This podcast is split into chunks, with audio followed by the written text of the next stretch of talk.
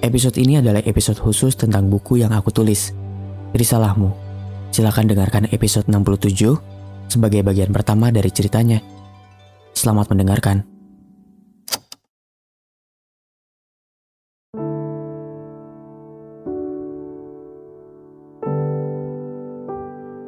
Kurasa kita berjalan terlalu jauh jika hubungan ini hanya berakhir di atas nama kawan akrab.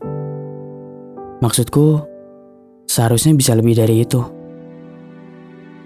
Aku paham bahwa ketika seseorang jatuh cinta, ia juga harus siap terluka. Namun bagiku, rasanya lebih banyak luka sebelum aku jatuh cinta sepenuhnya. Salah satunya pernah kubiarkan bahagiamu untuk orang lain, sedangkan keluhnya aku yang tanggung. Biarkan sejenak aku berpikir bahwa hatimu adalah sebenar-benarnya hati yang perlu aku jaga dalam waktu yang sangat lama. Sebab, sejauh ini sulit bagiku menyimpulkan bahwa rasamu utuh sepenuhnya untukku. Namun, dalam kabarmu yang sampai dengan deras akhir-akhir ini, beberapa bekal percayaku akan kuberikan jika waktunya sudah sampai. Akan ada hari kita bernegosiasi tentang bagaimana hubungan ini ke depannya.